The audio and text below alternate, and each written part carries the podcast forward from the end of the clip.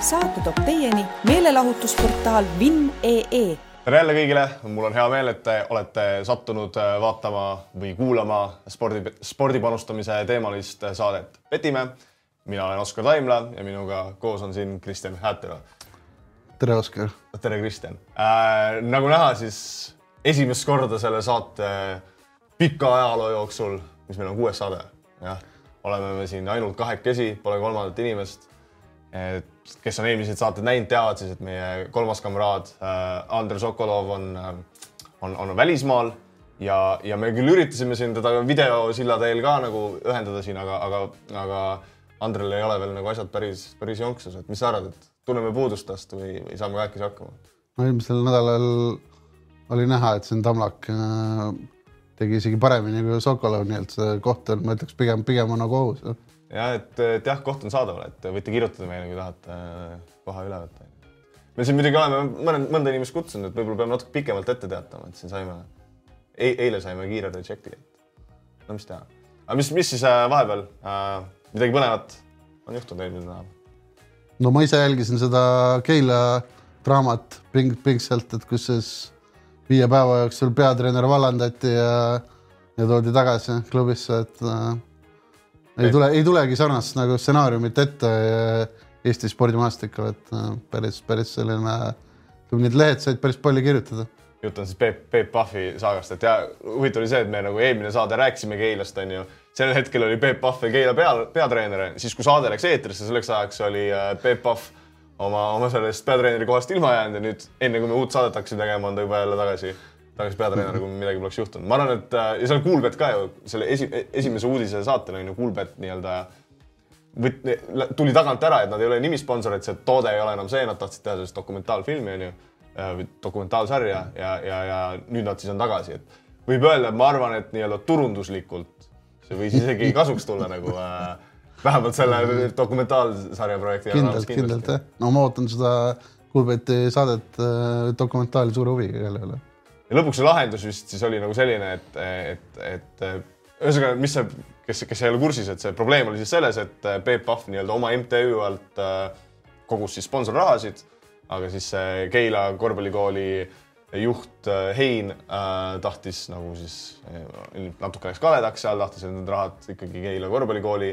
alt käiks, kuigi eelmine hooaeg nad nagu leppisid kokku, et, et Pahv seda nagu MTÜ alt teeb. ja siis seal oli nagu inimeste konflikt aga lõpuks tundub, et see avalikkuse surve eks Peep Pahv äh, ajakirjanduses töötanud ja oskas nagu õiget kaarti ilmselt mängida ka. et see ajakirjanduse või üldse üldsuse surve, ilmselt Hein sai aru, et, äh, et ta on nagu siis on Keilas suht kloun, klounmees, nagu need ka pildid, mida Keilas laiali, laiali jaotati. ehk noh, oli ilmselt suht sunnitud olukorras mingit kompromissi tegema mm. -hmm, sa ütlesid nagu known mees, et tead, teatud mees. kloun, kloun. kloun, okei. okei et, äh, et jah, no lõpuks see nagu lahendus oli see, et, et siis nagu Pahv on nagu lihtsalt peatreener ja ei, ei puutu nii-öelda otseselt kokku siis nagu majandamisega. küll aga kompromiss oli see, et neil on siis nagu nõukogu, kus siis on nagu Keila linnavalitsusest inimesed, sponsorid, sponsorid ehk siis see nõukogu justkui saaks treenerit vallandada, seal on see Hein ka ise isiklikult onju. aga lõpuks olukord on selline, et seal nõukogus on kõik Peep, Peep Pahvi käpa all onju, et on need sponsorid mm. ja, ja linnavalitsus. aga okei okay,, et siin võib-olla äh, sellest Keila panustest saame siin äh, Paavo rubriigis ka natuke rääkida, et, äh, et võib-olla siin praegu jah, lähmegi siis äh, esimese rubriigi. panustamise abc. tänases panustamise abc rubriigis me räägime siis ühest konkreetsest välismaisest äh, kihlveokontorist, Sportsbookist ja miks me tast räägime, on see, et võib-olla te olete nagu tähele ka pannud, et me oleme nagu viitanud äh, kihlveokontorile nagu Pinnacle päris palju äh, meie saadetes. ja, ja siis miks me talle nagu viitame, sest Pinnacle on üks siis maailma kõige täpsemate nii-öelda ootsidega, kõige täpsemate koefitsientidega kihlveokontor.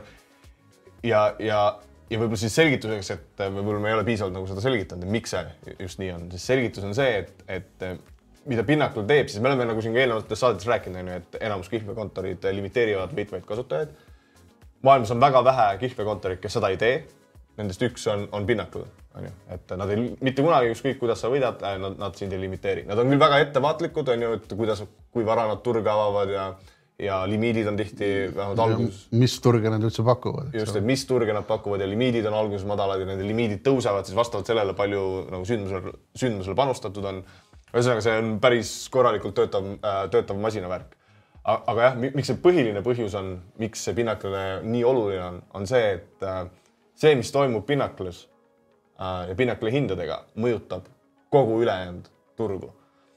ehk siis äh, kui, kui Pinnacle kui mingi tark inimene panustab näiteks ükskõik mis spordile, see võib olla isegi Premier League'is on ju, inimene, kes on nagu Premier League'is võitev mängija, panustab seal maksimumpanuse, siis Pinnacle muudab oma ootuse, neil on see info, et ta on võitev panustaja, nad on nagu noh, kõik on nii-öelda välja arvutatud, mille pealt nad automaatselt muudavad, seal ei olegi inimene, kes seda teeb, kes hindaks seda, vaid seal ongi kõik on nagu masinatöö, et see sekundi pärast peale seda panust Pinnacle äh, siis kui võitev, võitev panustaja teeb panuse, siis äh, äh, nad muudavad äh, seda ootsi ja, ja kui Pinnacle muudab ootsi, siis kogu ülejäänud turg jälgib seda nagu sisuliselt alati.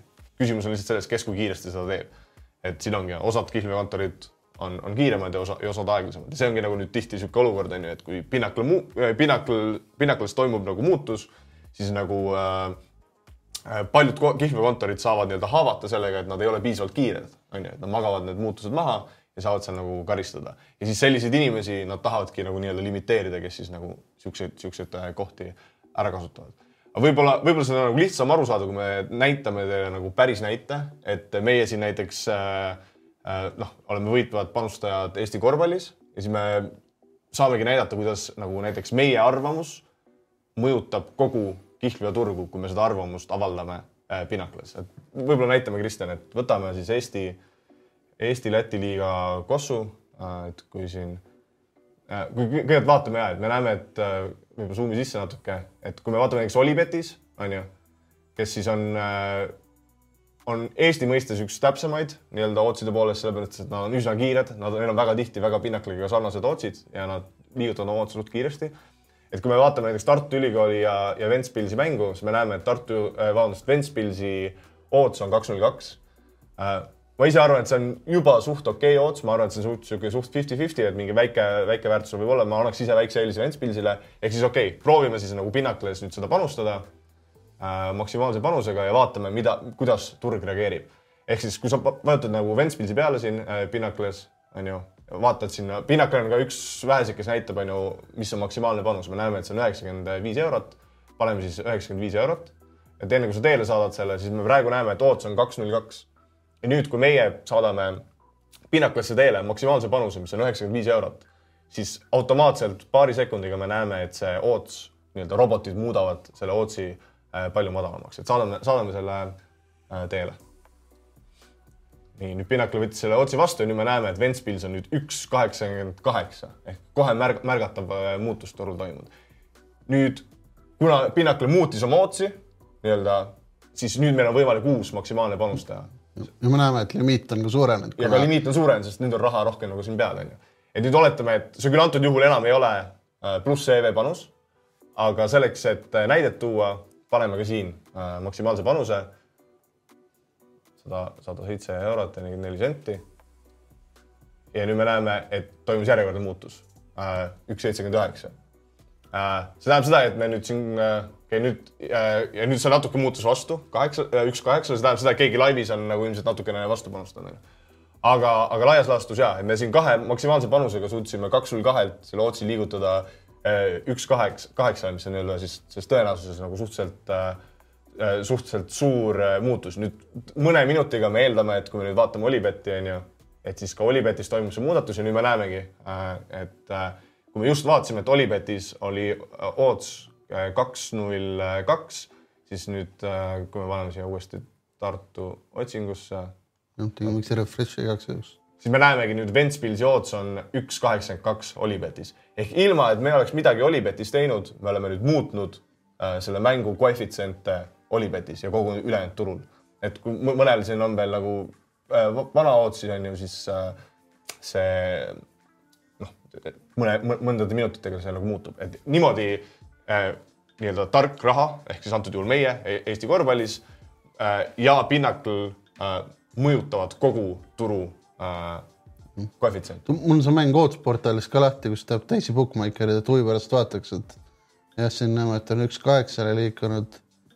jah, Supra Pets on näiteks üks seitsmekümne kaheksale langetanud, Alphabet langetas üks seitsmekümne kaheksale, et äh, siin on näha praegu laivis, kuidas nagu kõik bookmaker'id siis nii-öelda liigutavad, liigutavad pinnakli järgi, eks ole. just ja, ja se- selle saavutasime siis lihtsalt selle, selle meie sellega, et me nagu siin tegime se- siukse äh,, siukse otsuse, et, et äh, siin ongi nüüd antud ju- juhul on ju, et siin nagu ma, mul nagu inimesed on ka rääkinud nagu strateegiast, et kas võiks nagu Pinnacles teha niimoodi, et sa nagu panustad, nagu meie praegu tegime, onju. sa tead, et sinu äh, panuste pealt Pinnacle muudab, onju. Ja siis sa nagu nii-öelda fake'id market'it ehk sa panustad meelega teisele poole, et saada paremat äh, äh, ootsi kuskil mujal kõrgema limiidiga.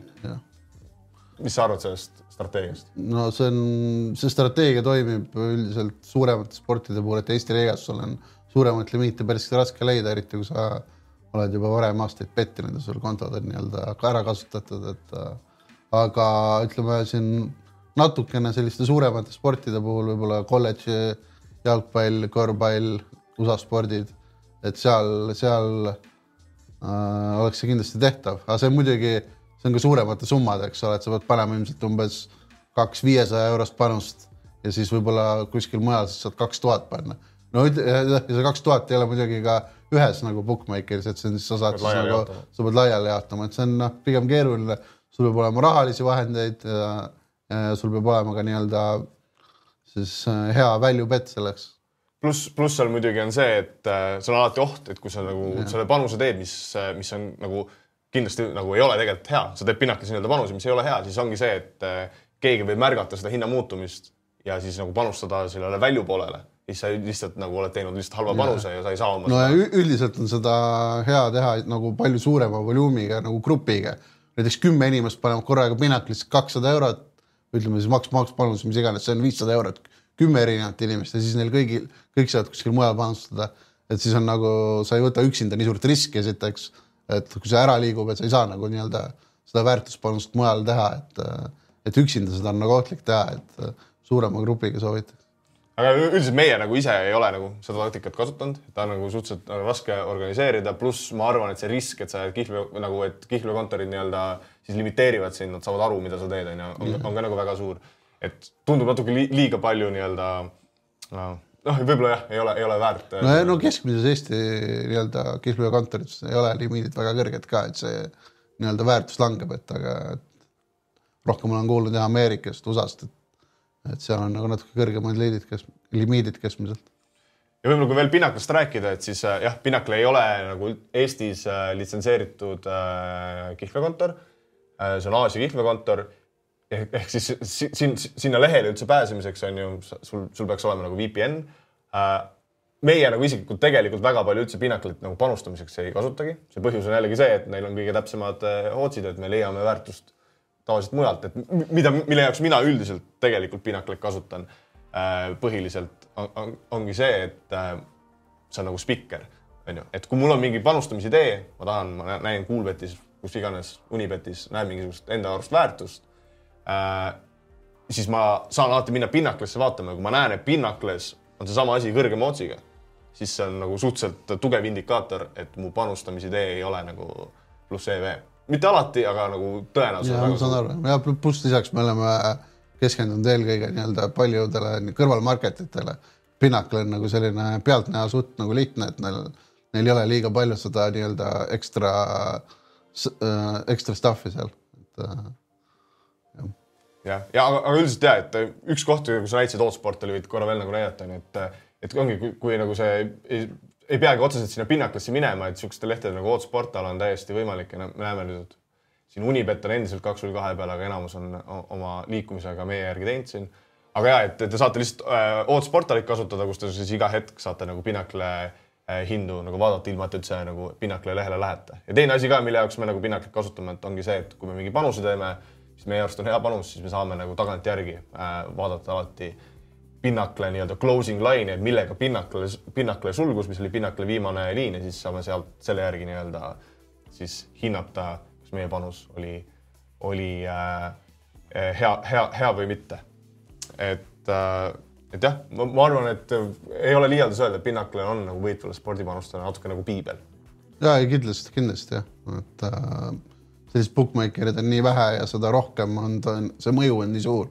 Selliseid bookmakereid oleks võib-olla kolmkümmend, siis nagu see haju, hajuks rohkem ära, aga, aga väga paljud bookmakerid jah ei julge nagu sellise strateegiaga peale tulla, et jah, et äh, väga tähtis osa nagu võitva spordipanustaja nagu igapäevaelust on siis nii-öelda jälgida, kuidas Pinnaclis äh, nende panu, panused liiguvad.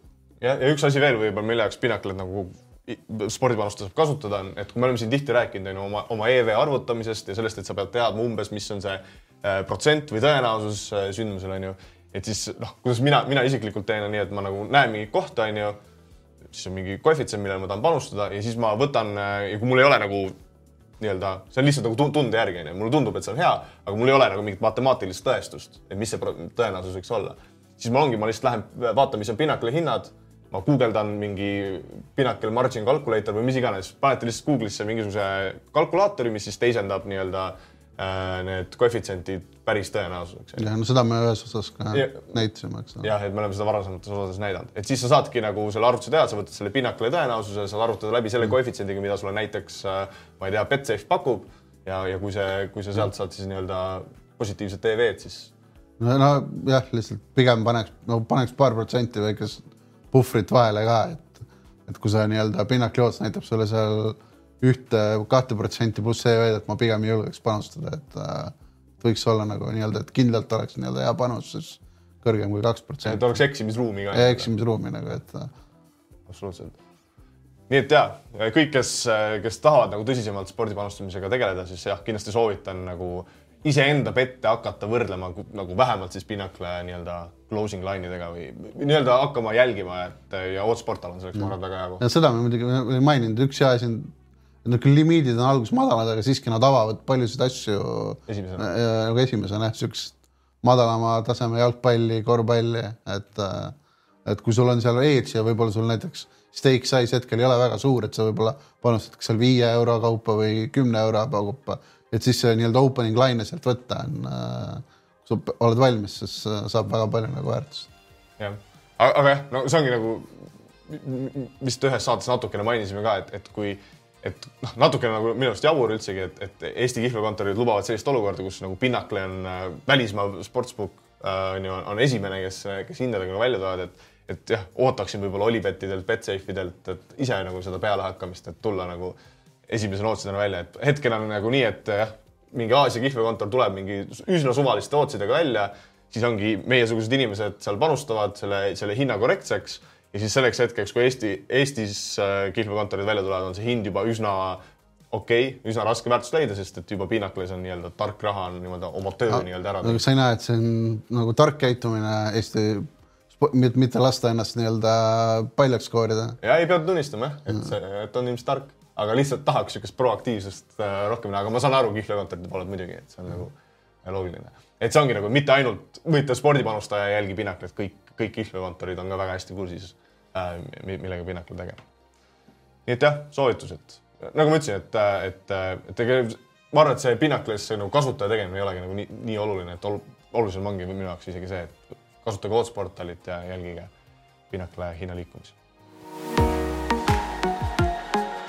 Tulevased spordisündmused. aga tänase osa spordisündmuse, spordisündmuste rubriigis äh, me peame siis võtma ühe erakorralise teema ette, äh, sellepärast et äh, nii-öelda NBA-s on toimunud suured muudatused.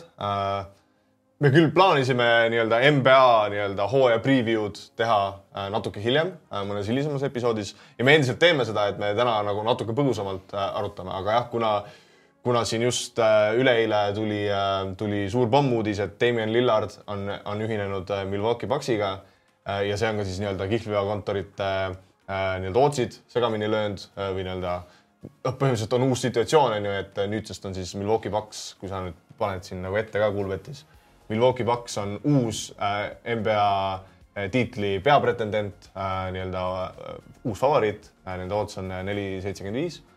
Ehk siis äh, jah, olukord, kus me ei saa kahe, kaks NBA suurt äh, huvilist ja nii nii-öelda vaatamise kui panustamise poolest, et me ei saa seda teemat äh, nii-öelda puudutamata jätta, et siis nagu räägime täna äh, põgusalt äh, äh, nii-öelda NBA nii-öelda võitja, võitja turust, et äh, võib-olla enne kui me hakkame konkreetselt nendest äh, ootsidest või koefitsientidest rääkima äh, ja mida me sellest arvame, selles mõttes, et see on nagu huvitav olukord, et iga kord, kui niisugune nii-öelda suur vahetus toimub, on ju, siis põhimõtteliselt see on nagu täiesti värske turg, on ju, meil on uus informatsioon, turud uuesti avanevad ja see on nii-öelda nagu jällegi varajane, varajane turg, kuigi see turg ise on tegelikult on nagu väga, pikalt juba nagu lahti, on ju.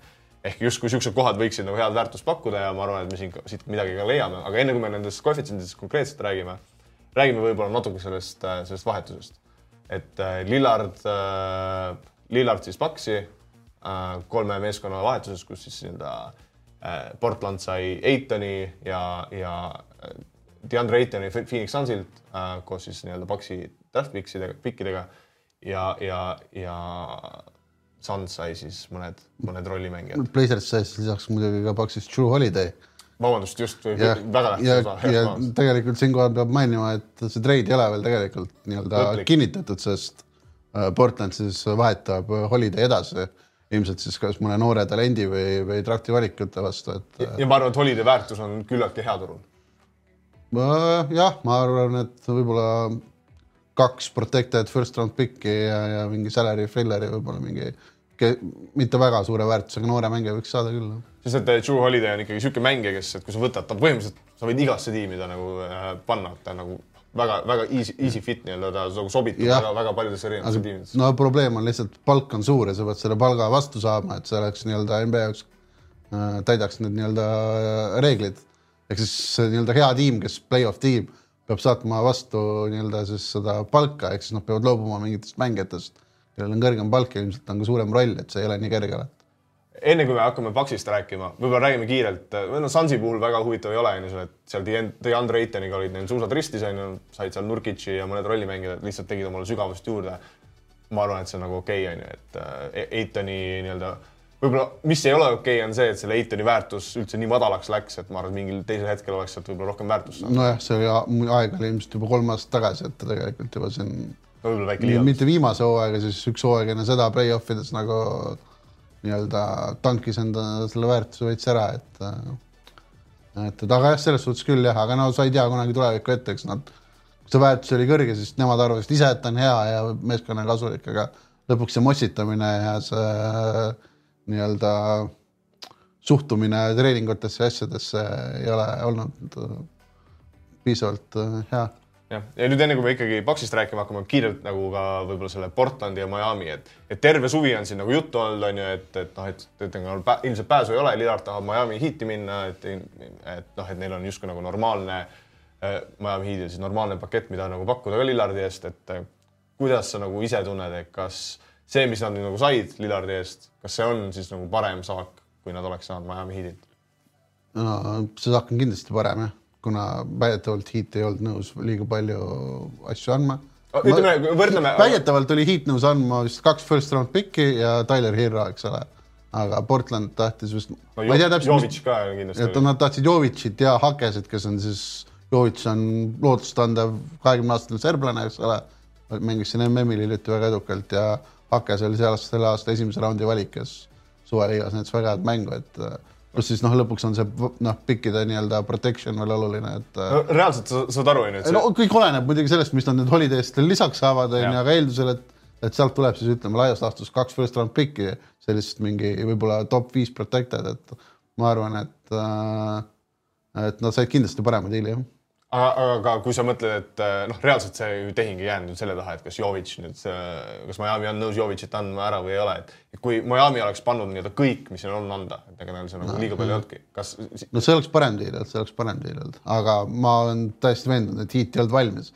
selleks, kui sa annad äh, kogu oma, kõik oma asset'id ära, et võtta kolmekümne viie aastane mängujuht äh, selliseks title run'iks, kus veel Jimmy Butler on ka kõrval oma nagu noh, ei ole enam nii-öelda pigem langustrendis, eks ole, et see selline strateegia laias laastus ei, ei tasu nagu ära, et. isegi Miami Heatile, kellel on nagu väga osav, osav, kes on väga osavad erinevaid nii-öelda undrafted, mitte draft'i valikutest mängijaid üles puditama. no kui neil oleks tõesti nagu väga-väga kõva tiim nagu, et sul ongi nagu ütleme, Paxi puhul noh, nad muidugi noh, andsid ühe mängi ära, eks ole, ja said superstaari asemele, et see on nagu mõistlikum, aga kui sa annad nagu kogu tuleviku ära, siis see on selle nimel, et sul oleks võib-olla heal juhul kümneprotsendiline võimalus võita. see on äh, aga rää- räägime nüüd Paxist, kellel on, kellel on nüüd ilmselgelt rohkem kui kümneprotsendiline võimalus võita äh,. Nad on nüüd siin kihlvekontorites on ju äh, uued favoriidid kas sa ei arva, et Lillard on väga hea mängija? ilmselgelt, siin pole midagi arutada. Lillard ja Giannis, sa kujutad nende pick and rolli ette, onju äh,. Lillard, ei ole imeline pick and rolli mängija, ta on no selles mõttes, et ma arvan, et ta on parem kui Holiday rünnakul kindlasti, et äh, aga ma ei näe nüüd, et nad siin, et siin mingiks Lillardi võib-olla söödunumbrid näiteks lakke läheks, ta ei ole nagu nii-öelda traditsiooniline mängujuht, kes, kes äh, otsib nii-öelda mängijaid ja, ja ma ütleks siis lausa, et ta, tal see nii-öelda assist to turnover siis suhe. jah, suhe ei ole väga hea nagu, et äh, ma eeldan, et seal Middleton, Giannis äh, mängivad ise palju pick and rolli hoopis äh, Brook Lopez'iga, kes on ka nagu, kes on ka mõlemad väga head ball-hander'id. ma ei usu, et Giannis nüüd läheb nii-öelda täiesti nagu off-ball. ma sellest saan aru, ma just, mis ma öelda tahtsin, on see, et, et nagu, et kui sa mõtled, et võtad Damien Lillardi ja et kellega sa tahaks seda paari panna, siis ma arvan, et Giannis on üks üsna ideaalseid variante, onju. et selles mõttes äh, ma arvan, et see on nagu noh, nad läksid paremaks, ma olen nõus sellega. Aga ma arvan, et siin natuke alahinnatakse seda, et Drew Holiday on väga-väga-väga-väga-väga hea korvpallur, kes on üks pa NBA parimaid äh, nii-öelda tagamängijatest kaitsemängijaid, kes oli väga-väga nii-öelda hea nii-öelda fit, nagu sobis sinna Milwaukee, Milwaukee Bucksi tiimi nagu väga hästi. et mis siis, et Lillard on superstaar äh,. Drew Holiday oli ka väga hea mängija, ehk see, see nii-öelda äh, nii-öelda vahe või need, see, kui palju nad paremaks läksid, on minu meelest palju vähem, kui siin inimesed no. ja ka kihlvekontorid äh, arvavad. no see on selline offense versus defense veits, et Holiday on mitmekordne all NBA defense mees ja võib-olla isegi defensive player of the year kandidaat olnud, et äh, et ta võtab tihti vastaste parimaid perimeetri mängijaid, et tihti Lillard vastupidi on, võtab alati vastaste kõige kehvemaid mängijaid ja ja, ja Portland on olnud traditsiooniliselt väga kehv äh, nii-öelda kaitsesaits, ehk siis nii-öelda, kui sa vaatad seda üleüldist taset nii-öelda nende mängijate vahel, mis meie arvates on väiksem kui bookmakerite arvates, aga lisaks võib sinna ka väikse faktori panna, et Holiday nii-öelda on ja Paxi see tuumik on kõik koos väga palju aastaid mänginud, et seda ei saa kunagi alahinnata. Lillard on terve elu ühes klubis olnud, ta on seal oma klubis alati olnud nagu number üks äh, A ja O mees, eks ole, noh, kui esimesed aastad välja arvata, eks ole. et viimased, ma ei tea, kuus-seitse aastat on ta seal sisuliselt võib võtta kõik visked, mis ta ise tahab. et äh, tema jaoks on see, ma arvan, korralik adjustment, et äh, seal ei ole ainult Giannis, seal on mit- mitmekordne allstar Chris Middleton on ju, kes viskab kakskümmend viis punkti, et kuidas Lillard nagu handle ib seda ära, et tal on vaja nagu muudes elementides olla ka kasulik, kui ainult seal äh, kolmesid Jah. äh, ja, ja tegelikult nagu Lillard ei ole ju ka kõige noorem mängija, onju, et kui me ajalooliselt vaatame, ma saan aru, meditsiin on nagu arenenud ja mängijad kestavadki kauem, aga kui me ajalooliselt vaatame sellises vanuses mängijaid, kes on klubi vahetanud, siis üldiselt see track record nii-öelda see ajalugu ei näita, et need oleks väga nagu edukad. Mitte kõik, aga nagu ütleme keskmiselt nagu no kõige nii-öelda jah, ma, ma arvan, et jah, mis Lillardi puhul siis on veel, et äh, kõige nii-öelda tundlikumad sellisele iganemisele või nagu vananemisele NBA-s on kiired mängijad, väiksed kiired mängijad. kui sul kiirus kaob, siis noh, sa kaotad automaatselt kohe nii palju oma nii-öelda eelist, onju, et äh, et eks ole näha, et äh, kuidas, kuidas, kuidas, ta seal se- selles osas vastu peab. Aga nüüd lõpuks jõudsime siis selleni, mida me, milleni me lubasime jõuda, siis nende, nende koefitsientideni, et kui noh, ma saan siis meie jutust on nagu üsna selgelt aru saada, onju, et me hindame, et Milwaukee Bucks ei peaks olema äh, justkui favoriit.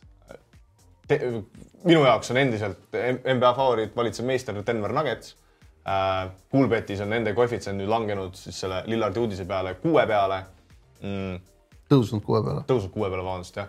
et ma ei tea, noh minu jaoks on see selge väärtuse koht, et kui, kui, kui mul keegi küsib, et äh, mis on Denver Nuggetsi tõenäosus tulla NBA meistriks sel hooajal, ma nagu ei, minu jaoks on see umbes kakskümmend protsenti, et ma ei tea, viiest korrast, kui viis korda seda hooaega läbi mängida, siis ühe korra ikka nagu tulevad. et kas Ja- sa nagu oled nõus, et minu meelest see peaks, see peaks olema hea väärtus? nojah, see väärtus muidugi natukene tuleb selle pealt, et äh, idakonverents on hetkel paberil äh, nõrgem.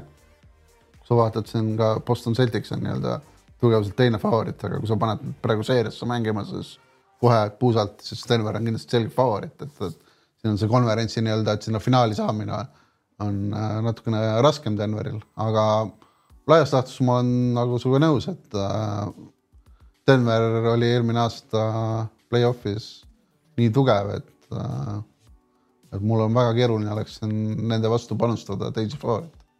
Okei okay., aga sa ütlesid, sa tõid selle konverentsi nii-öelda äh, faktori mängu onju ja mina ütlesin justkui välja nii-öelda mingi um-, umbes kahekümne protsendise tõenäosusega, võib-olla ongi te, teeks siis nagu arutame läbi selle, et võib-olla vaatajatel on ka nagu huvitav, et kui me siin nagu istume ja ütleme, et minu arust on kakskümmend protsenti ja sa oled mingi, oi, ma olen nõus onju, et kuidas, kuidas nagu jõuda siukse, siukse numbrini.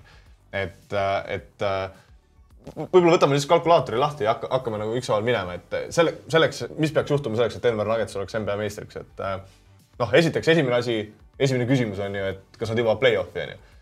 see on umbes üheksakümmend, ma ei tea, kuus-seitse protsenti on ju väga tõenäoline, me ei saa seda päris välja jätta, aga ma paneks siis selle ühte patta sellega, et et, et nad peavad olema terved äh, play-off ideks on ju. et kui seal. ütleme terve, tervelt sa mõtled, et nendel ütleme paremuselt neli mängijat äh, on, on terved, eks. ma mõtlesin kolm, et Jokic, Murray ja, ja, ja, ja Aaron Gordon on ju. et kui nemad on terved, siis ma arvan, et see on nagu üsna, üsna legit, et see tõenäosus, et nad on terved, noh, ütleme või ütleme siis tõenäosus, et keegi neist saab vigastada play-off'ide ajaks just mitte hooaja käigus on ju. ma ei tea, mitte üle kümne protsendi. jah, no sinnakanti jah. ehk siis paneme siis äh, üheksakümmend protsenti ehk null koma üheksa ehk siis, et nad on terved, on ju, play-off'ide ajaks Äh, esimese numbri tehingusse. Äh, siis korrutame selle läbi nüüd järgmise sündmusega, mis peab juhtuma, nad peavad esimeses ringis, oma esimeses play-off ringis võitma. ehk siis me korrutame nii-öelda seda tõenäosust. just, jah ja., nüüd järgmine tõenäosus, mida me peame korrutama, on see, et, et nad võidavad play-off'i esimeses ringis. reeglina ajalooliselt on seal esimene-teine seed äh, umbes kaheksakümmend viis protsenti, ma arvan, midagi sarnast olid, olid nad ka Minnesota Timberwolvesi vastu äh, äh, nii-öelda siis Äh, nii-öelda, kui sa teisendaksid koefitsiendid tõenäosusteks, siis olid ka Minnesota vastu sarnases suuruses. no eelmine aasta nad olid muidugi enne play-off'i alahinnatud, et. Äh, jah, et nagu reaalsuses on isegi suurem võib-olla. et aga... minu arust see protsent nii kõrge päris ei olnud, aga. Oli, ma vaatasin järgi, see oli kaheksakümmend neli protsenti oli. ma lihtsalt mõtlesin, et kui nad tagantjärgi paneks, siis oleks ilmselt olnud kuskil üheksakümmend, üheksakümmend või.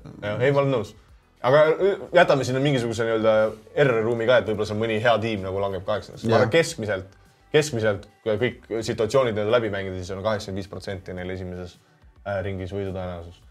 Äh, teises ringis ehk korrutame läbi nüüd teise ringi jõudmise. siin noh, jätame Phoenix Sunsi viimaseks, on ju, et eeldame, et nad peavad Phoenix Sunsiga mingi hetk nagu kokku minema, siis küsimus on see, et äh, ma puusalt ütleks seitsekümmend protsenti teises ringis ehk siis küsimus sulle, kas äh,, kas äh, Lääne konverentsis on mõni võistkond peale Phoenix Sunsi, kellel, kelle vastu Denver ei oleks seitsmekümne protsendiline favoriit? no lõplikult me seda ei tea, praegu on raske öelda, ma arvan, et, et praegu ma ei julgeks äh, ühtegi tiimi võtta nende vastu. Aga Warriors ja Lakers, ma arvan, ei ole liiga kaugel, kui see on äh, nii-öelda need kaks veterantiimi, siis äh, suudavad ka play-off'iks kuidagi terved olla, et äh,.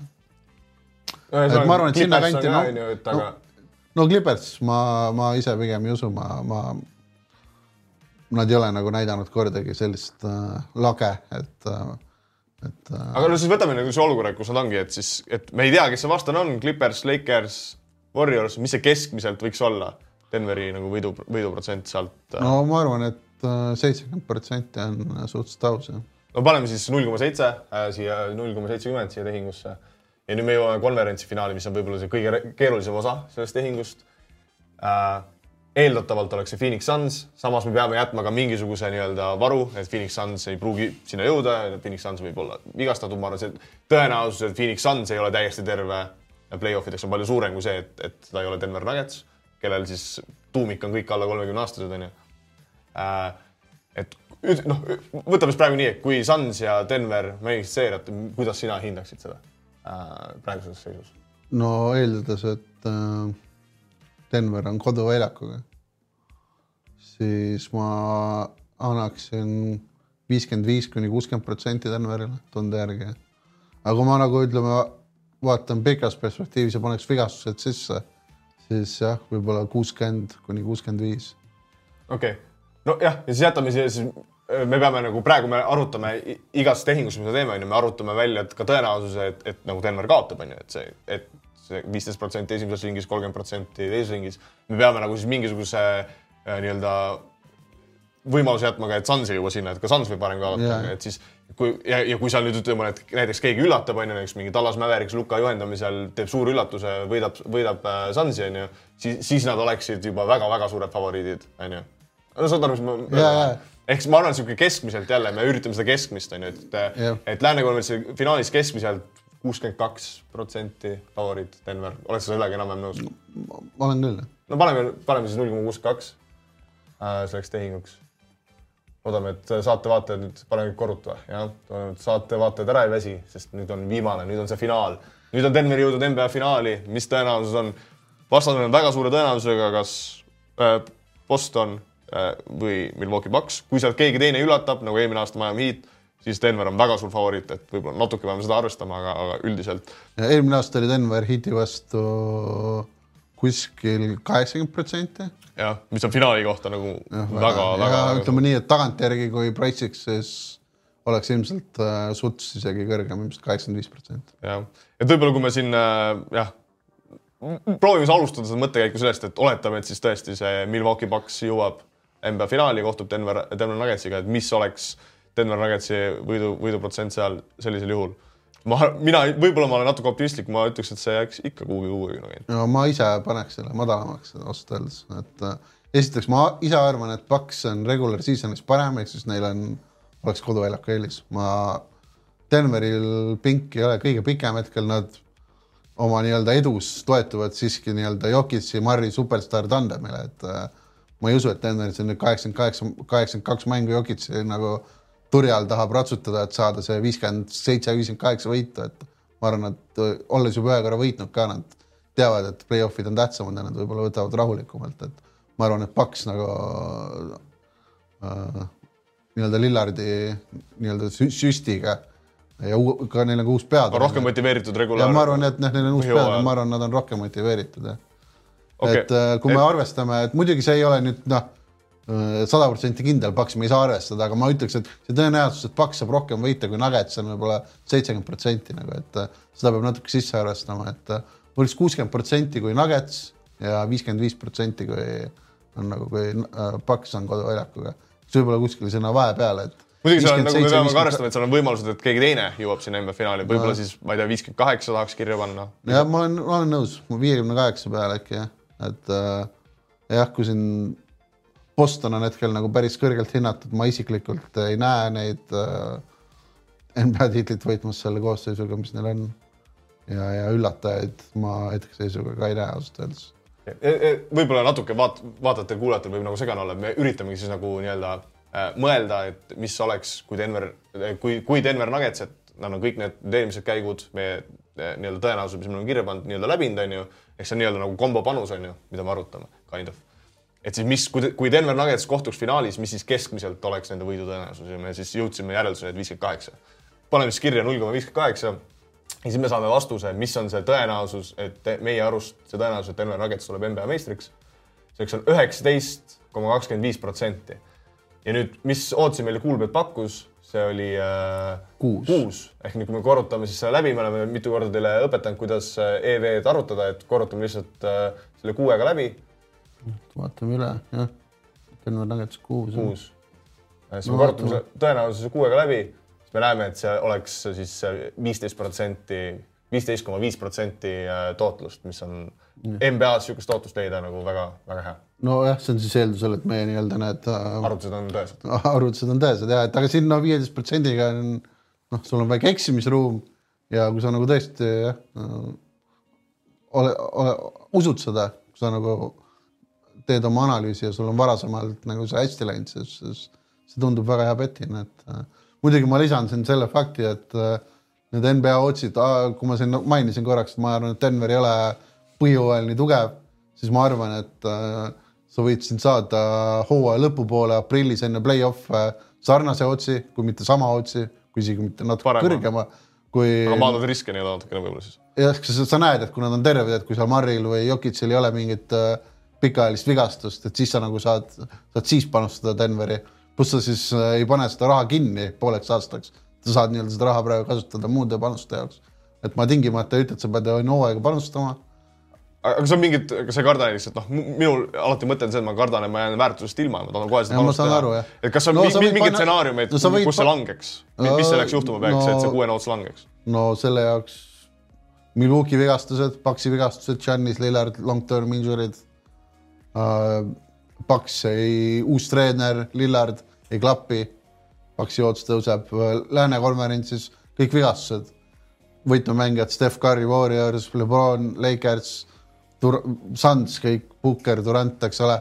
see ühe staarmängija nii-öelda vigastus NBA-s, kes uh, muudab kogu nagu meeskonna nii-öelda võimalust nagu nii suurelt, et äh, ma isegi, ma ei tea, et keegi oleks NBA meistriks tulnud niimoodi, et neil on terves play-off'is äh, meeskonna paremuselt top kaks mängija vigastatud olnud, et ühesõnaga siis jah, kelle, kellele meeldib see panus, on ju.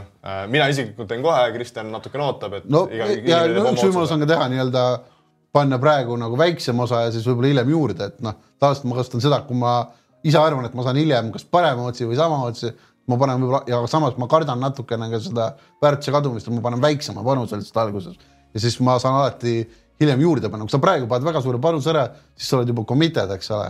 et siin näiteks Coolbetis ei, nad ei paku sulle cash out võimalust.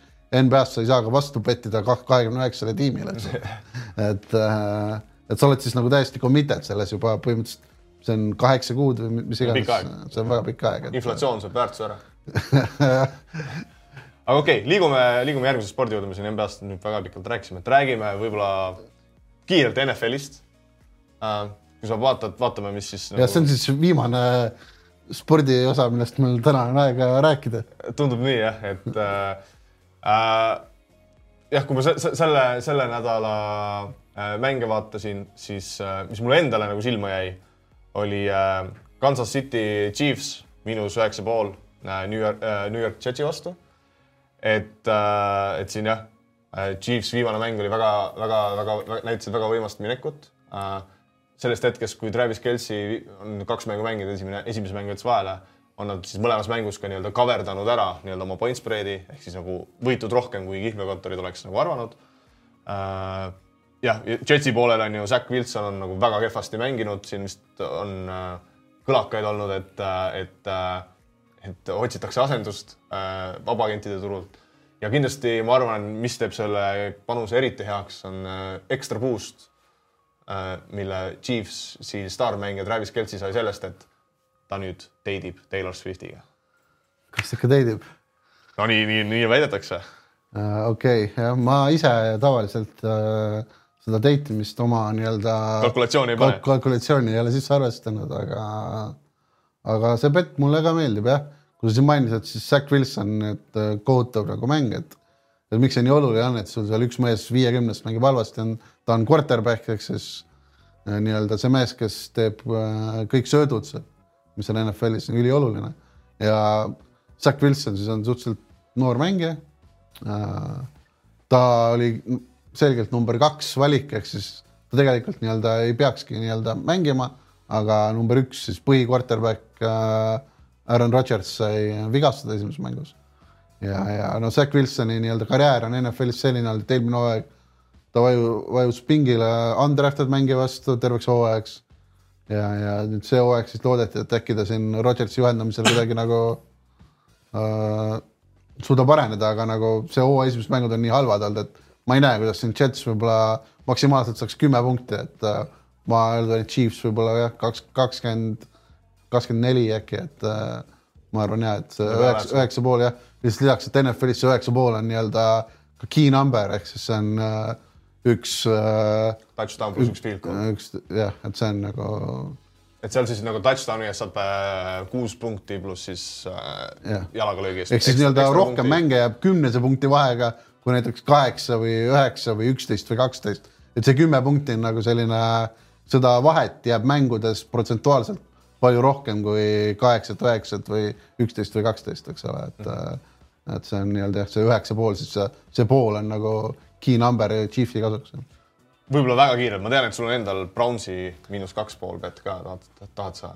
ja no jah, Browns on esimese kolme mängu põhjal ilmselt kõige parem kaitsemeeskond, et nad on keskmiselt ühes play's lubanud ainult neli koma kuus järgi, et äh, ja, ja Ravensil on siin väga palju vigastusi.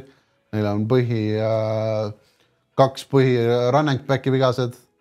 Neil on äh, kaks VR-i, Odell Beckham, Bateman sa vigased arvad, et seda ei ole siis nagu selles liinis arvestatud ju? ilmselt on ma arvan, et alahinnatakse lihtsalt nende mängijate tähtsust kokkuvõttes, et äh, et see on jah, see on nii-öelda nagu natukene selline tunde järgi panemine, ilmselgelt on arvestatud, et aga ma ise arvan, et äh, et nad alahindavad jah.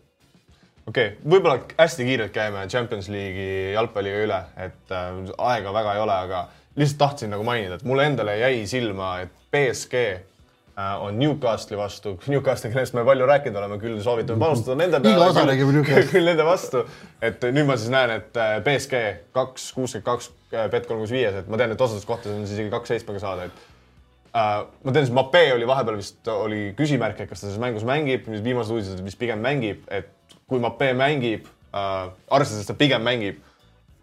ma ei ole jalkaspetsialist, aga mulle tundub, et see ei ole nagu hästi hinnastatud. Ma ei ole ühtegi BSG mängu vaadanud, ma ei julge äh, siin arvamust väga võtta, et äh, miks sulle see BSG panus meeldib?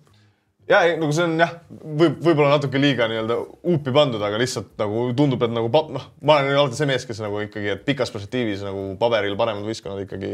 et siin liiga palju pannakse rõhku erinevatel asjadel, et üldiselt paberil paremad meeskonnad ikkagi pikas perspektiivis noh, jah, nagu pikas perspektiivis see realiseerub, kui, kui, kui niimoodi panustada, et äh, loomulikult väga tugevat arvamust nagu ei ole, aga tahtsin sinu arvamust küsida, et kahju, et sul seda arvamust puudub on sul, ei, ma, ma ütlen, et ma selles mõttes, kui ma peaksin selles mängus panustama, nii et keegi sunnib mind panustama, siis ma kindlasti petiks äh, BSG-d, mitte Newcastle'it, et see Newcastle'i esimene mäng Milani vastu oli niivõrd äh, kohutav, et äh, ma ei, ma nagu. kuigi tulevad nüüd kaheksa-null võidu pealt, et väga ebastabiilset mängu.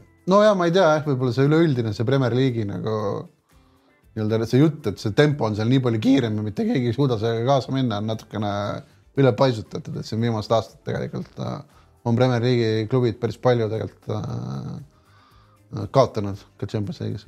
aga kui sa peaksid panustama veel midagi äh,, Champions League'is on midagi, mida panustada tahad? no kui ma pean midagi panustama Champions League'is, siis kui see õnn on, et nad on sinna Champions League'i jõudnud läbi imelise hooaja, siis mulle meeldib panustada ikka Manchester Unitedi vastu. eriti olukorras, kus neil on kellega nad mängivad siis? Galatasaray. maksimaalne draama neil nagu, nagu neil on siin kombeks olnud, et noh, seal üks treener võib-olla rahulikult saab aasta teha ja siis on mängijad siin, Sancho ei käi enam nendega trennis, kes osteti kaheksakümne miljoni eest. Maguire on mees, endine meeskonna kapten on, pole ü- saa ühtegi minutit. et äh, kaks mängijat on siin vägistamissüüdistuse all äh, nii-öelda ka võistkonnast eemaldatud, üks on lõplikult eemaldatud ja teine on siis ajutiselt nagu eemaldatud, et äh, et draamat on neil väga palju, mängupilt on olnud kehv. sina kui selline paberil parema võistkonna peale panustada, kindlasti paneksid siin Manchester Unitedi peale, aga mulle tundub, et neil see sisekliima hetkel on halb ja ja kui sa tahad mõnda sellist magusat ülla, üllatusmomenti, siis ma arvan, et nende vastu Old Traffordil on hea panustada. Okei okay, va, vaatame võib-olla, mis see tabel chance on, et äkki Galatasaray tabeli chance, et seda seitsmese otsiga. seitsest ei julge jah, ei julge vist jah, et äh, ikka paberil tead sihuke, sihuke vahe, et kui sa paned äh, topeltvõimalus. topeltvõimalus, Galatasaray kaks, kuuskümmend kaks, et Okay. no kui sa tahad topeltvõimalust, ma ei tea, ma kolm kuus viies seda marketit äh, ausalt öeldes ma peidaks ära või nagu ei vaataks mitte kunagi. Et... põhjus on siis see, et Aasia handicap saab paremad. ja no Aasia handicap on alati neil kõrgem oodus, et siin pluss null koma viis, täpselt sama market. kui mäng jääb viiki, ehk siis sa saad raha tagasi, kui Galatasaray võidab või kui mäng jääb viiki, ehk siis neil on pool väravat edu. on kaks seitsekümmend viis. jah, suht isegi märgatav vahe. kui sul oleks kaks kuuskümmend kaks ja kaks kuuskümmend neli, noh, ma ei teeks nagu sellest mingit numbrit, see on siis see, nagu Bet, Bet kolm kuus viie mudeli viga või kuidas, kuidas see nagu sihuke olukord tekib? Neil on lihtsalt erinev margin lisatud, üks on three-way market, üks on two-way market. tavaliselt three-way marketil on lihtsalt margin äh, kõrgem kokku. see margin üldiselt pane- noh, pigem on nagu selection'i pealt, et äh, seal on kolm selection'it, siis on äh, kokkuvõttes margin kõrgem. okei okay,, jaurasime siin pikalt äh, täna spordisündmustest, et äh, äh, lähme järgmise rubriigi juurde. praktiline panustamine Nonii äh,, nüüd on sihuke piinlik äh, olukord, et tere, tere, Oskar. Tere, Kristjan äh,. ma tulin teiega rääkima sellisest sõnast nagu variatsioon. nojah, nii, nii on, et äh, me oleme taaskord äh, saates, me oleme taas kord Kuulbetis, me oleme taas kord panustamas ja taas kord läheb kaks sotti, aga räägime siis, mis nende varasemaste kahe sottidega juhtunud on siin üle, üle nädalate, et Oskar, kas sa tahaksid võtta kokku eelmise nädala, palju me tagasi saime kahesajast? Eelmine nädal seal oli vist väike nulliring. tõesti võib juhtuda, et tõesti juhtuski, võiks isegi öelda, null jah, et äh, ma saan aru, et äh, te tulite siis siia saadet tegema sellest, et äh, kuidas olla võitev, aga minule õpetate hoopis mingisugust äh, versiooni sellest, kuidas tuleb õppida teiste vigadest. meil, meil kunagi üks, üks hea tuttav ütles, et peti jumalaid on vaja vahepeal segadusse ajada. ja siin nagu üritame veits nagu noh, et ei taha kohe alguses hakata siin nagu liiga räigelt rammima, aga nüüd on nagu juba auk on piisavalt suur, et nüüd aa, nüüd võib võitma hakata. nüüd hakkame võitma. Davai, see, seda ma olen oodanud ammu, sest et ega need autokooli tunnid odavad ka ei ole ju. aga ma tegelikult mõtlesin, et kui sa nagu kritiseerid meid siin onju, et äh, võib-olla siis teeme siis seekord nii, et nagu kuna meil kolmas inimene on puudu, et aga näita siis tee üks nagu panus täitsa oma peaga. aa, et mine ja pane otsingusse Chelsea Jah. ja siis. no tundub, et sa ikka ei ole saadet vaadanud ja midagi õppinud. Chelsea on ülihästi mänginud ka. Chelsea on- oled panustanud iga nädal nende peale. no mu, mu noh, minu äh, selline tagasitulek Chelsea'ga on olnud see nädal kindlasti parem kui teie oma üldiselt minu nende soovitustega okay.. aga ei, ei, ma siin kuulasin vahepeal, et eh, kuidas seda teha tuleb kõike ja siis ma vaatasin, et näed, Coolbet, Ventspils kaks koma viisteist Tartu Ülikooli vastu. kas on mingi põhjus, miks ma ei peaks vajutama seda nuppu ja viiskümmend eurot sinna peale klikkima?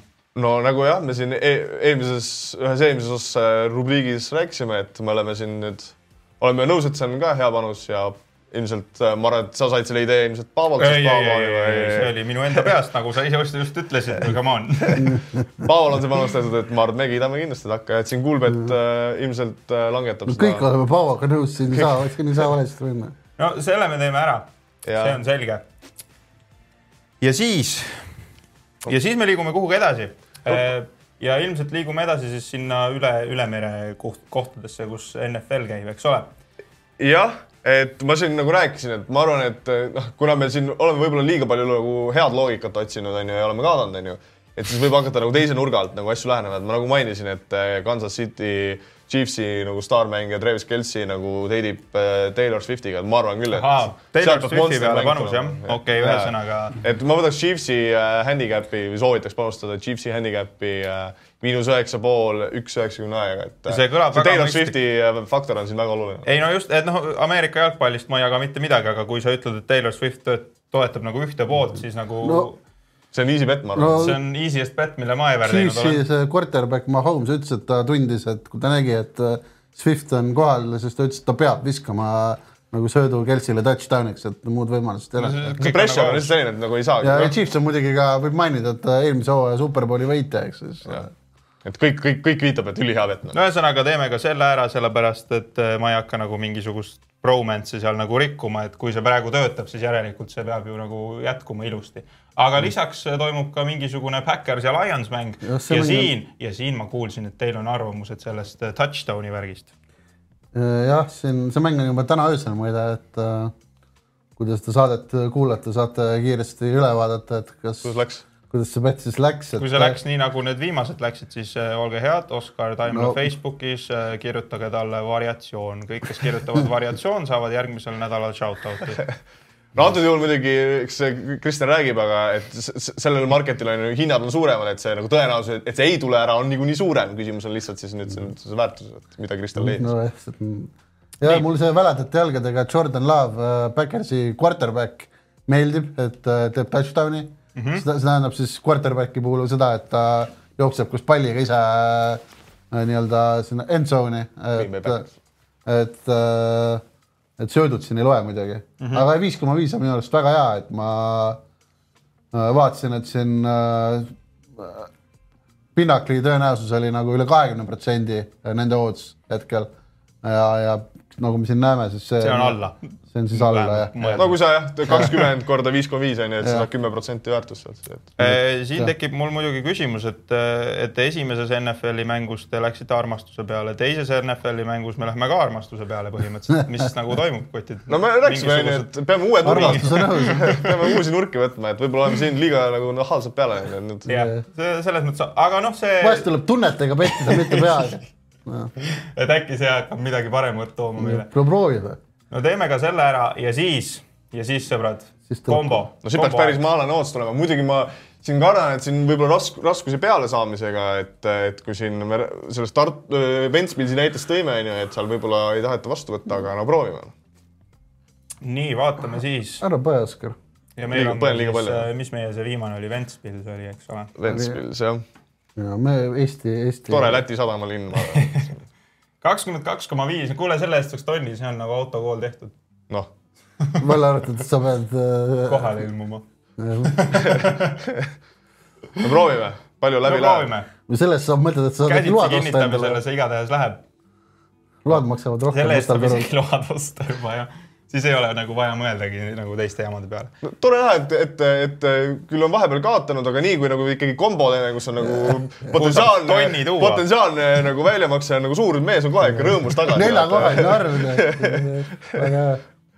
ja mina võtan selle tonni igatahes väga hea meelega vastu, ma loodan, et teie ennustused või soovitused tähendab äh, arenevad aja, aegamisi, ma loodan, et äh, Paavogi sa, ma või noh, olgem ausad, nüüd ilmselt Paavo ennustus toob mulle raha, siis teie kahe jälle oma armastusega siin keerate midagi pekki, aga eks me näe, eks me näe, igatahes Kuulbetis me täna kaks sotti panime mängu ja siis ülehomme oleme rikkad minu arvutuste järgi. aga tehke siis saadet edasi, poisid. no loodame, teeme, teeme, kutsume Paavo, Paavo siia.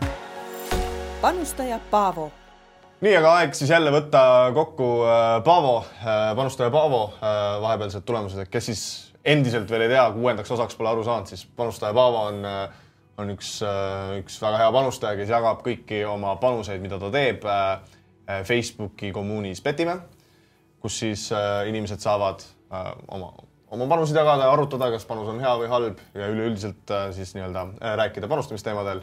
ja seda teeb ka Paavo äh, Paavo siis, kui me vaatame, mis Paavo seis on, Paavo on nüüd siis kokku teinud kuuskümmend kaks panust, kokku on kasumis kaks tuhat viissada viiskümmend eurot, tootlus on olnud kuuskümmend kuus protsenti, võrreldes eelmise nädalaga siin kasv ei ole väga suur olnud, aga midagi ikka, mingi kuskil sada või sada viiskümmend eurot, ma nüüd praegu ei mäletagi, palju seal oli, kaks tuhat nelisada midagi oli.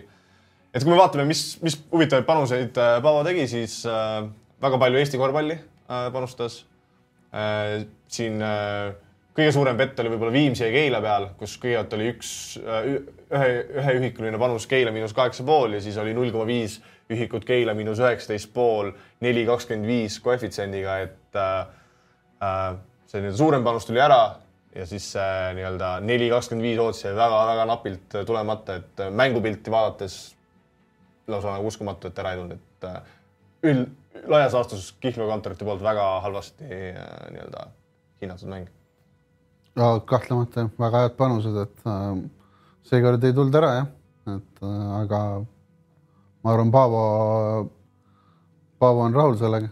Kindlasti, et nagu pikas perspektiivis jäi kasumisse siiski, et ja kasumisse ka, et pikas perspektiivis head panused, et võib-olla, mis ei olnud võib-olla isiklikul hinnangul ja, äh, nii head panused äh,, näiteks Mihkel Kirves äh, Champions League'i äh, äh, nii-öelda kvalifikatsioonis äh,. Mihkel Kirves alla üheteist koma viie punkti alla seitsme lavapalli, et et äh, Pa- Paavo selgitas sarnast asja, mida me ka ise eelmine nädal mainisime, onju, et, et, et see e e Kalev Cramo eesliin on nagu suhteliselt palju, palju mängijaid, onju, et raske nagu minuteid leida, aga tuleb vist tunnistada, et Mihkel Kirves on Heiko Rannulal absoluutne usaldusisik, et seal need minutid on ikkagi päris kõrged ja Kirves on ise ka nagu päris head mängu näidanud, et et äh, võib-olla seal oli see nii-öelda riid või nii-öelda lugemine natukene mööda. jah, jah, kindlasti jah, eriti kui siin nüüd Kitsing peaks veel lahkuma, siis ta roll võib äh, veel suuremaks minna, et äh, Champions League'i nad nüüd äh, ka ei saanud.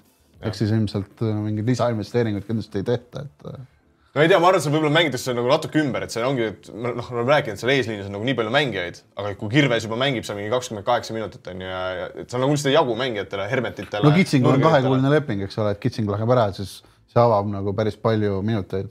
jah, seda küll, aga lihtsalt minu jaoks no, neil on ilmselgelt Kalev Cramol on vaja, see on Tartu mäng on näidanud, millel ka kusjuures Pavel oli panus äh, Kalevi peale ja nii-öelda see panus kaotas, see vahe jäi kolm onju, et et kuigi Tartu ei jätnud absoluutselt mingisugust sügavat muljet onju, siis lihtsalt Kalev oli ise nagu üsna, üsna kehv, et minu meelest see põhi, põhiprobleem on seal nagu äh, äh, tagaliinis, et neil lihtsalt on vaja sinna nagu korvpalli on väga raske mängida, kui sul ei ole nii-öelda poolhändlereid. aga neil on ju Kovlier, Kovliar, nii ja ütle mulle üks, üks mängija veel, kes suudab palliga nagu luua, et äh, no ameeriklane Brad äh, Show. Mis ta nimi oli? läks ka praegu nüüd meelest ära, mis ta nimi on, Aga ta on väga äh, jah, no ta ei ole jah, ei ole päris võib-olla seda aastat teinud, minu arust tema trumbid on nagu kaitses nagu no ta ei ole selline nagu skoorer, pick and roll, mingi shooter, et aga ta on ikkagi teravust suudab luua, noh. No võrreldes tähtsa on, ütleme Martin Torbek. aga, aga okei okay,, isegi kui, kui no ei, see ma, ei, ma, ei, ikkagi, ei, ma olen nõus, et neil üks mees kuluks sinna tagaliini ära kindlasti. et lõpuks koos Ameerikas ja Kovliariga see ongi nagu kaks mängijat äh, see tähendab seda, et nagu sellist olukorda sul ei ole, kus sul platsi peal on ka, alati kaks poolhänderit, mis No on jah. nagu tavaliselt korvpallis edu, edu valem ja kui sa mõtled eelmise hooaja Kalevi edu, seal oli äh, Gilbert, Kovliar ja, ja Van Beck on ju, nii-öelda kolm loojat, et äh, ja noh, antud juhul muidugi Mikk Jurkat on sai veel nagu vigastada, vigastada ka, et ta on ilmselt mõnda aega nagu väljas, kas Randmelu või nojah, Kovliar on ka muidugi see vigastuse jutt üleval, et jah. jah, et äh, üldiselt jah, Kalev Cramo seisud ei ole nagu äh, väga head, aga see selleks, kas on veel mingeid äh, Paavo panuseid, mida me esile tahame tuua näiteks äh, NFL-is äh, Miami miinus kuus koma viis, et äh, siin võib nagu rääkida küll, et siin see miinus kuus koma viis sai äh, mitme-mitmekordselt üle tehtud ja, ja seal mängus vist lö- löödi ka erinevaid äh, rekordeid. no see oli jah, päris imeline panus, et sa võisid siin noh, ütleme nii, et higistama ei pidanud sellega, et, et Dolphins äh, skooris seitsekümmend punkti, et äh, tegid seal päris mitmeid äh, NFL-i läbi aegade rekordeid, mis on siis ilmselgelt üliharuldane, et äh, ja siin pole isegi nagu seda NBA-ga võib-olla mingit seost, et mingit trendi, et skooritakse rohkem või midagi, et see on siin läbi olnud suht sarnane, et passing yard'id on küll üles läinud, aga, aga, aga mitte nii hüppeliselt, et aga jah, tehti siin rekord, et kaks erinevat meest tegid neli touchdown'i ja esimene tiim, mis läbi aegade tegi kolmsada viiskümmend jardi söötudes ja kolmsada viiskümmend jardi joostes ja pluss siis äh, kümme touchdown'i kokku on ka NFL-i rekord. ja, ja see NFL-i punktirekord vist oli äkki seitsekümmend kaks, seitsekümmend kolm. See oli mingi viiskümmend, kuuskümmend aastat tagasi, et ei jäänud ka see kaugele. Aga ühesõnaga jah, et äh, kes, kes tahavad Paavale kaasa elada ja, ja võib-olla ka m- mõne panuse siin-seal teha, siis, siis äh, soovitan igal juhul äh, ühineda Petimäe, Petimäe Facebooki kommuuniga ja, ja seal te ka Paavo tegemistele äh, saate silma peal hoida. küsimus tänases äh, küsimuse rubriigis me siis võtsime vastu otsuse, et on aeg, on aeg lugeda ette äh, Janeki küsimus. muidugi ma päris, Janek äh, Tallinnas siis jah. et ma päris äh, ette ei saa seda lugeda, sest et äh, küsimus on küll nagu huvitav, aga nagu väga nagu peaks nagu noomima Janek, väga nagu halvasti kokku pandud, et nagu ma siis võtan lihtsalt lühidalt nagu kokku, mille, mida Janek nagu küsis. et põhimõtteliselt äh, Janek küsis siis, et äh, et mis me arvame, et, et kas kihlveokontorid, et kas Olipetidel ja Betsafe'idel on kontoris meie markshot'id ja, ja, ja nii-öelda jälgivad saadet ja et mis see nagu, kas kihlveokontorid kuidagi reageerivad siis äh, ka sellele, mis äh, milliseid panuseid me siin saates teeme või mida näiteks Paavo jagab, et kas sellel on nagu mingi, mingisugune mõju, et Kristjan, mis sa arvad? ma ei ole ise ausalt öeldes veel tähele pannud väga, et äh, ma ise nagu neid panuseid äh,, Paavo panuseid Eesti bookmakeritest teha ei saa, et ma ise äh, pole nii nagu täpselt sellel hetkel silma peal hoidnud, kui, kui Paavo on nii-öelda jaganud oma panust. ma ei oska öelda, ei tundu, et oleks nagu mingit väga, väga suurt tähelepanu tekitanud, et eks siin pole mingid meeletud summad ka vist. jah, ma isiklikult arvan ka, et äh, võib-olla inimesed jälgivad, võib-olla ei jälgi, ei tea, noh, osad jälgivad, ma tean. aga ma ei usu, et sealt kuidagi midagi väga reageerima hakatakse, onju, et et siin ka, et nagu me ju iga, iga, igast panusest, mis me räägime, me ei arvuta seda konkreetset väärtust välja, onju, et mõni on siuksem ka natuke nagu nii-öelda lõbusam panus on ju mõne protsendiga väärtus ja mõni on nagu jällegi sihuke täiesti nagu konkreetne nagu väärtuskoht, et see, ma arvan, et neil ei ole, ei oleks ka aega sellega tegeleda, et lõpuks see nagu turg liigub ise paika niikuinii, on ju, et, et need noh, closing line väärtust need, nende, nende asjadega saab niikuinii, et see nagu laias laastus ma arvan, et tegutsevad nii, nagu nad ikka tegutseks. võib-olla mingi, mingid kohad, mis ma olen nagu märganud, on ju, et kui Paavo näiteks on äh, Eesti, ongi Eesti liiga mängijate propse, mida ainult Kulbet näiteks pakub, on ju. Või siis, või siis eelmine nädal oli see WRC, mida ainult Olipet pakkus, on ju.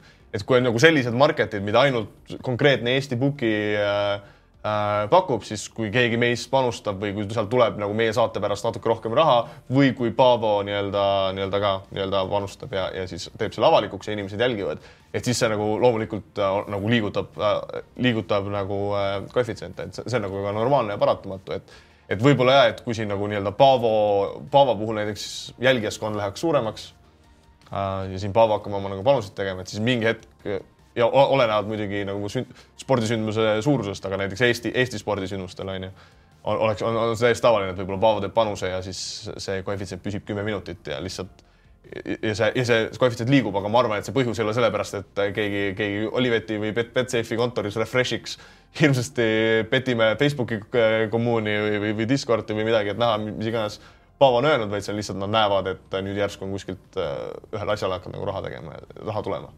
Äh, ja sellepärast nad nagu liigutavad. nii on, ma olen nõus sinuga. ja teine asi, mida, mida Jaan, Janek Tallinnas küsis, et meie, et mis meie arvates, et millised kihlveokontorid äh, on siis äh, nii-öelda kõige tugevamad ja kõige nõrgemad Eesti maastikul ja ta, mida tema silmas peab, on siis nii-öelda koefitsientide kvaliteeti, et kui kiiresti siis keegi nii-öelda, me täna rääkisime Pinnaklist on ju näiteks, et et kui Pinnakl liigutab, et siis liigutavad järgi, et millised kihlveokontorid Eestis on nagu siis väga kiired ehk väga täpsete tootsidega ja millised on siis nii-öelda aeglased ja võib-olla mitte nii täpsete tootsidega. Et no me täna näitasime näiteks Olibeti näidet on ju, et Olibet, kui, kui me siin Pinnaklis liini eh,, hinda liigutasime, siis Olibet oli väga kiirelt jaol, et ma arvan, et ka Olibet võiks üks olla nendest, kes ja. on kõige parem, nii-öelda täpsematega. ja no ma ei välistaks, et neil on nii-öelda automaatne nii-öelda scraping Pinnaklist või siis see nii-öelda provider, kes neil on, et siis et noh, suure tõenäosusega tuleb teenus... see ootus nagu automaatselt, et keegi ei muuda käsitsi seda Pinnakli järgi, et nende ootus nii-öelda nendel see bookmaker ongi seotud Pinnakliga, et et on selline tehnoloogiline lahendus nagu, et et aga Olipetis on nii-öelda väga raske sellistele asjadele peale saada mingitele tipsteri asjadele või mingitele liinidele, mis on nii-öelda mingile hot, hotbet'ile nii-öelda, et et Olipet liigutab väga kiiresti üldiselt jah. Jah, ja aga Olipetil on nagu, et seal nagu mingi, mingi nagu lahendus on neil nagu mit, mitmest osast on ju, sellest, et ma olen ka nagu tähele pannud, et et oli, paljud nagu Eesti book'id ei tee seda, aga nagu Olipet ka nagu nii-öelda, kui ta näeb mingit heavy action'it, näiteks kui ma ise olen mingit Eesti kossusel hakanud, noh, mul on limiidid on ju, siis kuidas ma panustan seda, on see, et ma panen oma maks-, maksimaalsed panused igale, igale alternatiivkossuliinile näiteks on ju, et taon need kõik seal nagu täis on ju, siis ilmselgelt kuhugi tuleb seal nagu lärts, nad kiirelt nii-öelda panevad mängu kinni ja, ja vajadusel teevad seal nagu, nagu muudatusi, et, et nagu päris nii ei ole.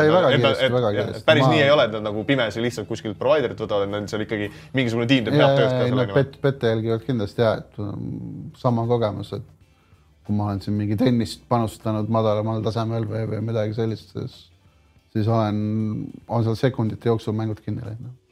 ja võib-olla kui vastupidine näide tuua, et kes on nagu aeglased, siis nagu äh, siin eelmine nädal Kristjan Tablak on ju rääkis erinevatest nii-öelda äh, nii-öelda provider itest või nii-öelda siis teenusepakkujatest kihlveokontoritel, et üks nendest on nagu Sportstadar, kes ka Eestis tegutseb äh,. siis üldiselt on, me oleme märganud, et nende kliendid, klientide näiteks Jalla Casino, Super Casino, vabandust, see on üks sama, Jalla Casino ja Ninja Casino, et üldiselt neil on see hinnad püsivad seal kauem. no pigem, pigem, pigem on aeglasemad jah, et äh, aga noh, neil on ka päris suur ohver, et pakuvad palju asju, et äh, lihtsam on nii-öelda siis seal ära unustada need liinid. ja muidugi, mis on nagu hea kombo, on nagu see, et, et kui Ninja Casinos on tihti on nagu need hinnad on suhteliselt head, on ju, nad ei, ei, ei ole, ei ole kõige kiiremad liigutama. samal ajal vähemalt ma arvan, et meil mõlemal on see kogemus, et Ninja Casinos ka see, mille, mingil põhjusel see risk management on suhteliselt nagu aeglane, et see nagu vähemalt meil mõlemal kasutaja püsis seal üsna kaua küll lõpp oli kiire ja konkreetne, pandi panustamine täielikult kinni, ei saanud isegi ühte senti panna, aga nagu väga pikalt sai seal nagu panustada. no ma kahtlustan jah, et äh, seal seda in-house nii-öelda trading ut äh, ei ole või on väga limiteeritud mahus. et see on kõik nii-öelda, et äh, teenusepakkuja poolt, teenusepakkuja poolt tehtud, jah. jah, et võib-olla ongi nagu need vahed, et, et, et, et, et siin ongi, et millistel äh, kihlveokontoritel on omal nagu in-house, et nad võib-olla kasutavad teenusepakkuja teenust, aga et ja. oma in-house inimesed, kes ikkagi tegelevad nende koefitsientidega ja panustega ja. nagu jah, siin võib-olla võib jah, Coolbeti ka välja tuua, et neil võib-olla nad ei reageeri nii-öelda kõige kiiremini marketi muutustele või nad ei ole nii-öelda kõige nii-öelda teravamad, aga nad panustele nii-öelda reageerivad ikkagi suhteliselt kiiresti, et. Neil on üsna aktiivne trading tiim. ja neil on suht aktiivne ja, et kui sa nagu paned mingile liinile, mis on nii-öelda, peaks olema madalam, nad ise ka, aga lihtsalt on kahe silma vahele jäänud, siis nad peale panust kiiresti kohe muudavad seda. mis mulle Coolbeti juures meeldib ka, on see natuke võib-olla inimlikum suhtumine ka, et et kui me räägime sealt Ninja Casinos on ju, et kui sa seal nagu võitult panustad ja nad nagu lõpuks sellest aru saavad, siis sa oled nagu, nagu täiesti minema saadetud, on ju, sulle ei lubata panustada, aga siis näiteks Coolbet on see, et et nad siis nagu annavad selle nii-öelda oma treideritele need otsused on ju, et sa saad nagu siis nii-öelda käsitsi kinnitamisele saata ja siis treiderid saavad seal nagu ise otsuse võtta, et kas see nüüd konkreetselt nad tahavad seda panust vastu võtta või mitte, et see on minu meelest kindlasti parem lahendus kui, kui lihtsalt limiteerimine. aga ja seoses sellega, et me siin nagu põgusalt rääkisime, et tegelikult meil ongi nüüd siin lähiajal plaanis teha uus rubriik, kus me siis äh, võtame nagu erinevad kihlveokontorid läbi ja mida me seal nagu hindame siis no hindame seal, kui nii-öelda me pak-, hindame seda, kui head teenust nad pakuvad spordipanustajale, et me hindame seal seda, kui palju erinevaid spordialasid seal on, kui palju erinevaid market eid, mis margin'id, kui kasutajasõbralikud on nii-öelda odds margin'id äh,, kui äh, kui mugavad on seal sissemaksed, väljamaksed, mis boonuseid nad pakuvad, mis special market eid nad pakuvad Eesti turule üldiselt nii-öelda välimust. jah, üld, üld nii-öelda jah, disaini, eks ole, kui, kui sõbralikud nad on võib-olla natukene teravamate panustajate suhtes, et kui kiiresti nad limiteerivad, kui või kuidas on üldse neil limiidid, et kui suuri panuseid nad vastu võtavad. ühesõnaga jah, me siis hakkame igas saates nii-öelda ühte konkreetset kihlveokontorit analüüsima, anname seal oma hin hinnangud ja siis tekitame mingisuguse nii-öelda ping, pingerea, mida me siis kogu aeg, kogu aeg uuendame, et, et olge, olge valmis selliseks asjaks äh, järgmistes episoodides, episoodides. aga võib-olla siis äh, selle saate lõpetuseks äh, peame ütlema, et siin viimasel ajal postkast on natuke tühjemaks jäänud, et siin Janek üksi möllab, et mõned üksikud kirjad on veel tulnud, mis ei ole nagu väga äramainimist väärt, et võib-olla peame siis jälle midagi välja panema, et, et lubame, et järgmine saade, kes järgmiseks saateks kõige huvitavama lugeja kirja saadab meile, mis me talle, mis me talle anname? ma kaks piletit äh Eesti äh, imelisele jalgpallikoondisele kodus võõrustavad Aserbaidžaani koondist, kus nad on ootuste järgi favoriidid, nii-öelda on oodata Eesti väravaid, saate seda rõõmu tunda, erinevalt siis viimasest Rootsi mängust. vabandan, et kelle ma sinna mängule saatsin, et ma seekord tõesti arvan, et Eesti võib lüüa ühe värava ja, ja, ja võib-olla endale viite ei lase lüüa. endale ma, viite ka vast ei lase lüüa. mul on kuupäev meelest ära, kuna ma ise Eesti kunsti ei vaata, aga, aga see oktoobri, oktoobri teisel nädalal kuskil peaks olema. no sa vaatad mulle silma, nagu mina peaks teadma, ei ma, ma ka täpselt ei tea, et aga eks me paneme siis äh, Discordidesse, Facebookidesse äh, informatsiooni üles, millal see mäng on ja et saatke, saatke meile siis kirju ja kõige parema, paremale kirjale me me, me need Eesti-Aserbaidžaani mängu piletid anname, et Kristjan lõpetuseks ütle siis, et kuhu, kuhu need kirjad saata? Palun saatke need kirjad meie emaili aadressile petimepodcast.gmail.com ja, või siis äh, Discordi, Vindivi live Discord või siis äh, petime spordiennustuse Facebooki gruppi. just, nii et äh, loodetavasti järgmises osas on meid, meid jälle kolm, ma arvan, saime kahekesi, oli okei. okay.. Saime NBA-st jaurata. saime NBA-st jaurata, saime, seda tuleb veel palju nii-öelda, kui te NBA-d ei salli, siis, siis äh, tunnen kaasa teile. nägemist